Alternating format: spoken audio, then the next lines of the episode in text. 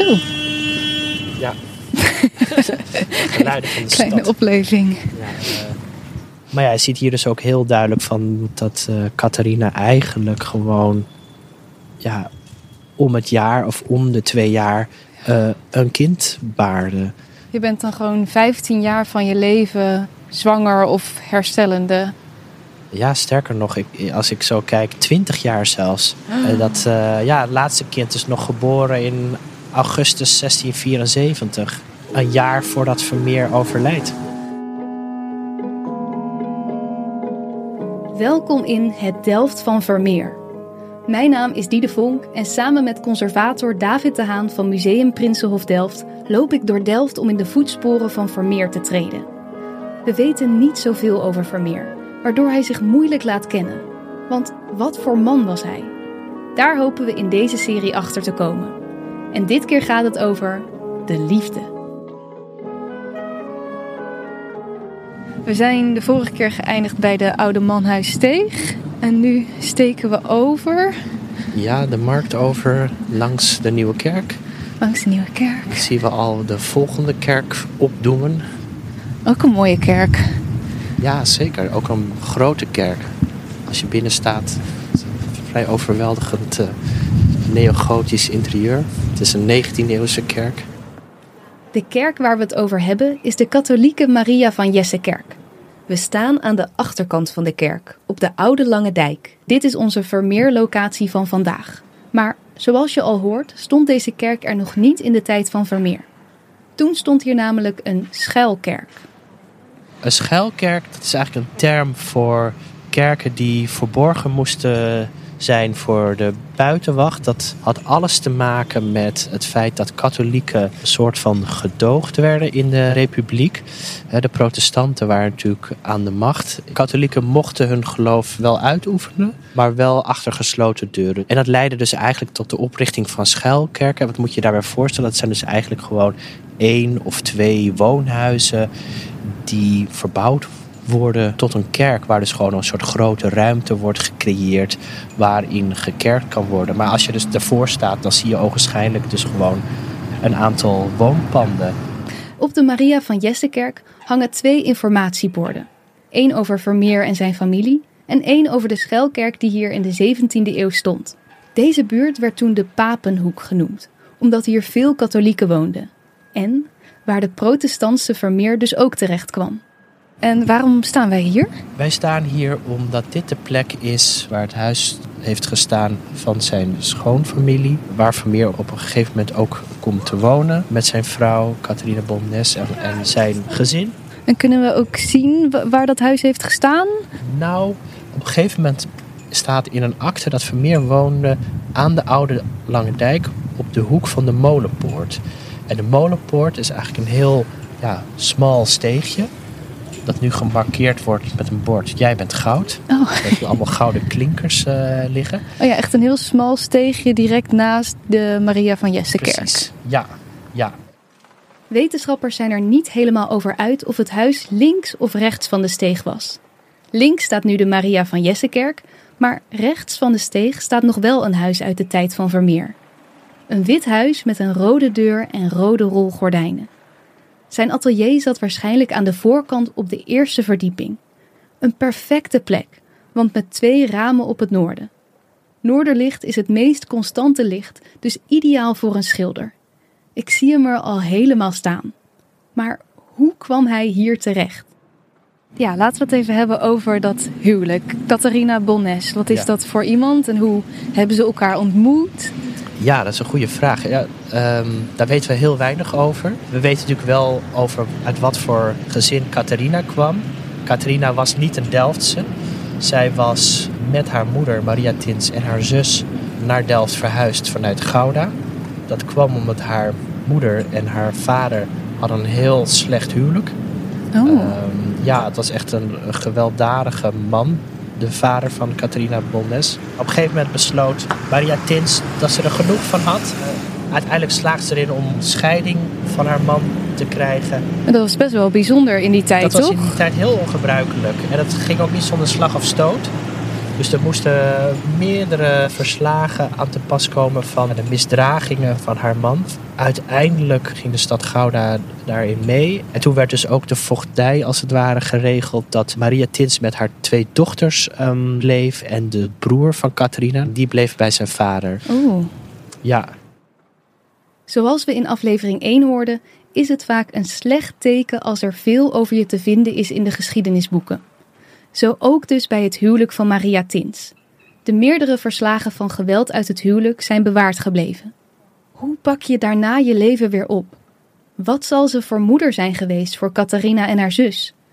Mijn hoofd slaat weer op hol met vragen waar waarschijnlijk geen antwoord op te vinden is. David brengt me weer even terug bij de feiten. En hier woonde Catharina dus op het moment dat ze Vermeer leerde kennen. We weten daar ook niks over. Ze wonen natuurlijk hemelsbreed. Nou ja, wat is het? Iets meer dan 100 meter van elkaar. Maar natuurlijk bewogen in hele andere kringen. De familie Tins Bolnes was niet alleen katholiek, maar ook welgesteld. Dat was een rijke familie. Natuurlijk heel anders dan Vermeer, de zoon van een herbergier. Er is een, een hypothese dat Vermeer misschien Catharina heeft leren kennen via Abraham Bloemaert. En die had een academie waar jonge schilders werden opgeleid. En die Bloemaert was ook een verre verwant van de Tins-familie. Mogelijk door die connectie dat ze elkaar daar hebben leren kennen. Maar ja, aan de andere kant, wat had Catharina daar te zoeken? Ja, en ze wonen dus zo'n 100 meter uit elkaar. Ja. Dus misschien hebben ze elkaar gewoon een keer op de markt gezien en gedacht: hé. Hey, Ja. Of ging dat toen niet zo? Ja, dat is, het is, inderdaad in de 17e eeuw weet ik niet of mensen, die vrouwen ook zomaar eh, zonder chaperone eh, op straat kwamen. Maar ja, waarom niet? Het is natuurlijk het is zo nabij. Ze moeten elkaar natuurlijk op een gegeven moment ja, hebben leren kennen. En die kennismaking moet ook zodanig zijn geweest dat daar dus ook een, eh, ja, een wens tot een huwelijk uit is voortgekomen. Als ongetrouwde vrouw van stand ging je in die tijd niet alleen over straat. Laat staan dat je alleen was met een man. Hoe kun je dan zo'n heftige kennismaking hebben dat je weet, met deze persoon wil ik trouwen? En hoe zat het qua klassenverschil? Catharina kwam uit een welgesteld gezin, katholiek. Konden twee mensen uit die verschillende groepen zomaar met elkaar trouwen?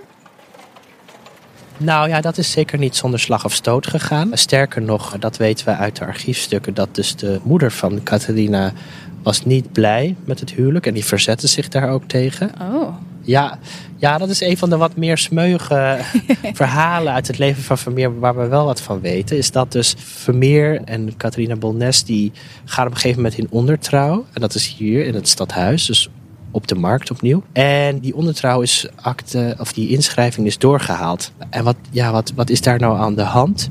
Nou, diezelfde dag nog, s'avonds, gaan eh, twee vrienden van het stel, eh, Leonard Bramer, ook een schilder, en ene Bartholomeus Melling, waarvan we niet zoveel meer weten dan dat hij een zeekapitein was. Die gaan dus hier in dat huis gaan ze praten met Maria Tins om te proberen om haar op andere gedachten te brengen. Om eigenlijk te pleiten voor Vermeer. Oh, want Eh. ze zijn dus in ondertrouw gegaan. En door haar is dat waarschijnlijk doorgehaald. Ja. Ja, dat, dat denken we. Omdat het heel letterlijk en figuurlijk kras is dat dus die inschrijving is doorgehaald.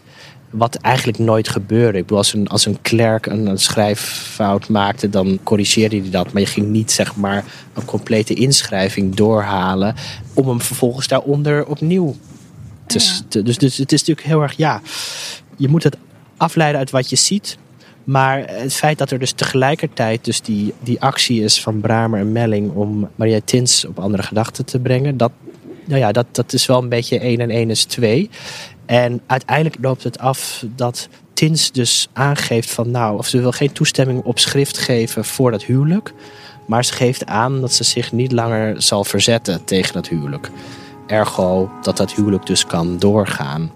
En waarschijnlijk is toen opnieuw die ondertrouw ingeschreven eh, bij het stadhuis. En, dit verhaal, dat, dat weten we dus omdat dat dus ook door een notaris op schrift is gesteld. Dus van Melling en Bramer en Tins. En dus, dus ja, daar heb je even een soort zeldzaam inkijkje in een beetje hoe dat dan ging. Er moesten twee vrienden van Vermeer aan te pas komen om zijn schoonmoeder te overtuigen dat het huwelijk een goed idee was. Ze zal wel raar opgekeken hebben toen deze mannen opeens voor de deur stonden. Ik vraag me af of ze het huwelijk ook afhield vanwege haar eigen negatieve ervaringen. Maar goed, uiteindelijk stemt ze toe. Ik vind het ook wel heel romantisch klinken dat ze zo Ja. met z'n tweeën dat ondertrouwen zijn aangegaan en Ja. de moeder wil het niet. Ja, nee, misschien hebben ze dat ook wel bewust toen een beetje gedaan om de, om de boel op scherp te, te zetten. Dat, dat weet je natuurlijk niet. Ehm, maar inderdaad, ja, je hebt wel het gevoel van, goh, ze moesten wel wat eh hordes eh, overwinnen. Dus dat ze wel allebei heel erg eh, vastbesloten waren om, om, om, om te trouwen met elkaar. Ja, dus wel hopelijk waarschijnlijk echte liefde. Dat doe je ook niet zomaar. Ja, ja dat, dat, dat, dat, daar, dat daar een element van liefde in het spel was, dat, ik denk dat dat zeker zo is. Ik denk, ja, eh, wat, wat, wat had Catharina nou precies te winnen bij een, een, een, een protestantse eh, herbergierszoon die nog niet eens schilder was op dat moment? Hè? Hij was Ah. nog in de leer. Hij Pas een half jaar later schrijft hij zich in in het gilde en dan kan hij geld gaan verdienen met zijn schilderijen. Maar tot dat moment was hij eigenlijk nog eh, student. Ik kan me voorstellen dat het voor hem ook natuurlijk wel een soort aantrekkingskracht had. Ja, dat het voor hem natuurlijk ook wel een interessante partij was. Maar ja, dat is natuurlijk ook weer sp- misschien eh, speculatie van mijn kant. Maar Ja, dus eigenlijk voor haar moet het in ieder geval... Zij had ja, niet zo heel veel letterlijk te winnen. Nee. Hij misschien wel, qua Ja. positieverbetering. ja, Dus in ieder geval was het vanuit haar kant waarschijnlijk echte liefde. ja, we weten het gewoon niet. Je zou dat heel graag willen, willen zien gebeuren Ja. natuurlijk, hoe dat eh, gegaan is. Zouden we kunnen zeggen dat hij dan misschien wel een hele charmante man was? Vermeer moet wel een goede indruk hebben gemaakt. Dan, ja, we weten helaas zo weinig natuurlijk over zijn persoonlijkheid, karakter. Wat was het voor een man? Was hij knap of niet? Ehm, Ja, en we zeggen man, maar hij is twintig. ja, Nu. het is eigenlijk ja, op, de, op de drempel van inderdaad. Ja. Hij is zo net op dat moment bezig om het ouderlijk huis een beetje te ontstijgen. Zijn vader is natuurlijk ook het jaar daarvoor overleden. Dus hij is natuurlijk wel inmiddels de, de man in huis. Oh, dus een jaar voordat hij gaat trouwen overlijdt zijn vader. Ja, zijn vader overlijdt eind 1652 en wordt op 12 oktober 1652 begraven eh, hier in de Nieuwe Kerk. En dus een half jaar later is dat huwelijk van Johannes en eh Catharina. Die gebeurtenissen volgen elkaar eigenlijk best wel snel op. In één jaar tijd zijn er dus een paar enorm grote gebeurtenissen voor Vermeer. Hij verliest zijn vader, die waarschijnlijk een groot voorbeeld was bij zijn kunstzinnige vorming. Een half jaar later trouwt hij en weer een half jaar later schrijft hij zich in als schilder bij het Gilde. Waarschijnlijk zijn Johannes en Catharina eerst een tijdje in herberg Mechelen gaan wonen, bij Digna, de moeder van Vermeer. Daarna trokken ze hierin bij Maria Tins. Was dat normaal in die tijd? Want ik heb hele leuke schoonouders, maar als ik net getrouwd ben, dan lijkt het me niet dat ik daar dan bij in ga wonen. Ja, het, het was denk ik ook soms een kwestie van niet anders kunnen. Het bezit van een huis was gewoon een heel kostbare aangelegenheid. En Vermeer had natuurlijk op dat moment nog geen inkomsten. Dus het was natuurlijk wel makkelijk. Die Maria Tins woonde alleen in dat huis. En hopelijk is ze hem toen ook wel aardig gaan vinden. Of eh, ja, Ik, ik denk zeker dat, dat zij wel een band hebben ontwikkeld. Je ziet op een gegeven moment ook dat Vermeer wel ook voor zijn schoonmoeder bepaalde belangen behartigt. Dat hij ook bijvoorbeeld naar Amsterdam gaat voor haar. En ik denk zeker ja, dat zij hem wel is gaan waarderen. Dat die weerzin wel verdwenen is. Hopelijk hield Maria Tins in ieder geval van baby's. Want de kinderen lieten niet lang op zich wachten. En die kinderschare bleef zich maar uitbreiden. Aleidus, Beatrix, Johannes, Cornelia, Franciscus, Catharina, Ignatius. Uiteindelijk zijn er in het gezin Vermeer zo'n 14 à 15 kinderen geboren. Waarvan er een aantal ook wel jong zijn overleden. Maar zeg een tiental eh, ja, dat, dat groeide daar in dat huis op. En dat moet dus ja, niet alleen best wel ehm, druk zijn geweest. Maar dat waren dus ook een hoop monden om te voeden. ja, Dus het Vermeer-gezin had wel eh, nodige behoefte aan eh, geld. aan een inkomen. Aan een inkomen, ja. Ik bedoel, anticonceptie in die tijd was allemaal wat minder eh, ontwikkeld dan het nu is. Maar in het ge- geval van Vermeer ja, was dat wel opmerkelijk dat er, dat er echt een, een een tiental kinderen in dat, in dat huishouden rondliepen. En dat is Catharina dus eigenlijk ook gedurende hun huwelijk bijna om het jaar eh, zwanger was. Oh ja, oh, Dus die, heftig. ja, ja, dus die, ja, dat, en, en, en dat ze al die zwangerschappen dus ook heeft overleefd. Want vergis je niet, in die tijd eh, hè, stierven ook heel veel vrouwen in het kraambed. We kijken op het informatiebord op de kerk, waar Vermeers gezin staat omschreven. Catharina heeft in ieder geval 15 zwangerschappen overleefd. Ik kan het me nauwelijks voorstellen, maar het staat er echt. Eerst ben ik enthousiast. Dit moet het teken zijn geweest van een passievolle en liefdevolle relatie. Maar ook dit weet je natuurlijk niet zeker. En ook al was de familie wel gesteld, de verantwoordelijkheid om al die monden te voeden zal ook zwaar geweest zijn. Op het informatiebord valt nog iets op. Bij vijf kinderen staat er wel een datum, maar geen naam. Deze hebben het niet overleefd. Vaak wordt er gedacht dat het verliezen van een kind in die tijd heel normaal was. Maar ook toen was het verliezen van een kind ontzettend pijnlijk voor ouders. Ze moeten dus in ieder geval een tiental kinderen hebben gehad. Ja, En Vermeer heeft ook in dit huis heel veel van zijn schilderijen gemaakt. ja. Wat ik van jou geleerd heb, is dat zijn stijl eh, heel verstild is. Dat contrasteert toch ook best wel weer met zo'n druk en vol gezin. Hoe, Zeker. hoe ligt dat met elkaar in verhouding? Ja, dat, dat, dat lijkt bijna niet te rijmen. Hè? Hoe in godsnaam sluit je je daarvoor af Ja. om aan het werk te gaan? En toch is het zo gegaan. Toch moet hij in dit huis die schilderijen hebben gemaakt. Dus op de een of andere manier kon hij zich daar toch toe zetten. Kon hij gewoon de deur dicht doen en helemaal in zijn eigen soort van zen-wereld stappen om die schilderijen te maken? Dat ja. moet toch wel? De man had inderdaad wel, denk ik, een soort eh, vermogen om zich af te sluiten of om zich te concentreren op zijn werk. En nou ja, je, je kunt ook natuurlijk gekscherend zeggen, maar hij heeft natuurlijk een klein oeuvre. Eén à twee schilderijen per jaar. Hè, misschien, eh, ja, Oh ja. meer zat er misschien ook niet in. Dat hij gewoon toch eh, ook wel eens afgeleid werd. Of dat er andere zaken speelden in het huishouden. Maar ja, je had niet, voelde niet de behoefte om zijn persoonlijke leefwereld te laten doorschemeren in zijn werk. Want überhaupt in, in, in zijn schilderijen, afgezien nou ja, met uitzondering van het straatje dan. Maar je ziet eigenlijk nooit kinderen ook in, in de schilderijen van Oh ja. Vermeer. Het zijn eigenlijk altijd volwassen mensen. Ja. Dus ja, dat is ook zoiets natuurlijk. Dat die kinderen voor Vermeer ook niet een soort... eh die dacht, nou, leuk, eh, ik, ik zet wat kinderen in die eh, interieurs van mij. Ja, misschien kunst is natuurlijk ook voor veel mensen een soort ontsnapping of een, een, juist een andere wereld creëren. Ja. Misschien was dit wel gewoon ja, zijn plek, zijn wereld die hij wilde scheppen. Ja, ja, absoluut. Ik denk dat die gewoon die, die, die twee werelden in zijn hoofd echt gescheiden waren. Vermeer als familieman en Vermeer als, als schilder. Ja. Eh, zeker. Bij wijze van achtergrondonderzoek kijk ik de film The Girl with the Pearl Earring naar het boek van Tracy Chevalier. Met Colin Firth als Vermeer en een jonge Scarlett Johansson als het meisje met de parel. In de film is Catharina een zeer zwangere en hysterisch jaloerse echtgenoot. Vermeer is het toonbeeld van de romantische, mysterieuze schilder. Het stelt me ergens teleur. Ik weet niet wat voor antwoorden ik had gehoopt te vinden, maar in mijn hoofd had ik Vermeer en Catharina wat meer diepgang gegeven. Maar in een film kan je natuurlijk niet alles delen. Je deelt een interpretatie van de werkelijkheid. Net zoals Vermeer deed in zijn schilderijen. En net zoals wij proberen te doen in deze podcast. Heel graag wil ik in het meest romantische verhaal geloven.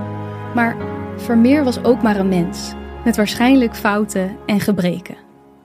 Wat kunnen we concluderen na deze aflevering? Ik denk dat er gewoon wel liefde in het spel was. En dat het dus voor Vermeer ook een verhuizing betekende. Hemelsbreed niet zo heel ver, maar wel naar een andere wereld. Ja, En dat we nu dus ook eh, voor de plek staan waar al die prachtige schilderijen tot stand zijn gekomen. Dat tot nu toe waren we bij locaties die vooral hè, de, de, de jeugdjaren, de opleidingsjaren. en hier is het echt gebeurd eigenlijk, Ja, die ja, magie. ja, ja, nee, dit, eh, this is where the magic happened. eh. Kan je het je voorstellen? Op deze plek, die je normaal waarschijnlijk gedachteloos voorbij loopt, zijn in een klein atelier meesterwerken gemaakt die de hele wereld over zijn gegaan. In de volgende aflevering hebben we het over Vermeer als meesterschilder. Waar begon de liefde voor tekenen en schilderen? Wie inspireerde hem en hoe verliep zijn pad? Dat horen we op de Voldersgracht. Dank voor het luisteren naar deze aflevering. Wil je meer te weten komen over Vermeer en zijn stad? Bezoek dan Museum Prinsenhof Delft. Van 10 februari tot en met 4 juni 2023 zie je daar de tentoonstelling Het Delft van Vermeer. Maar ook daarna kan je in het museum je hart ophalen als liefhebber van Delftse meesters. Deze podcast werd gemaakt door mij, Vonk van de Makers Podcast Producties. Tekst en redactie door Geert-Jan Borgstein, redactie en presentatie door David de Haan, productie door Pia Westren en de audiomixage is gedaan door Sonja Vos.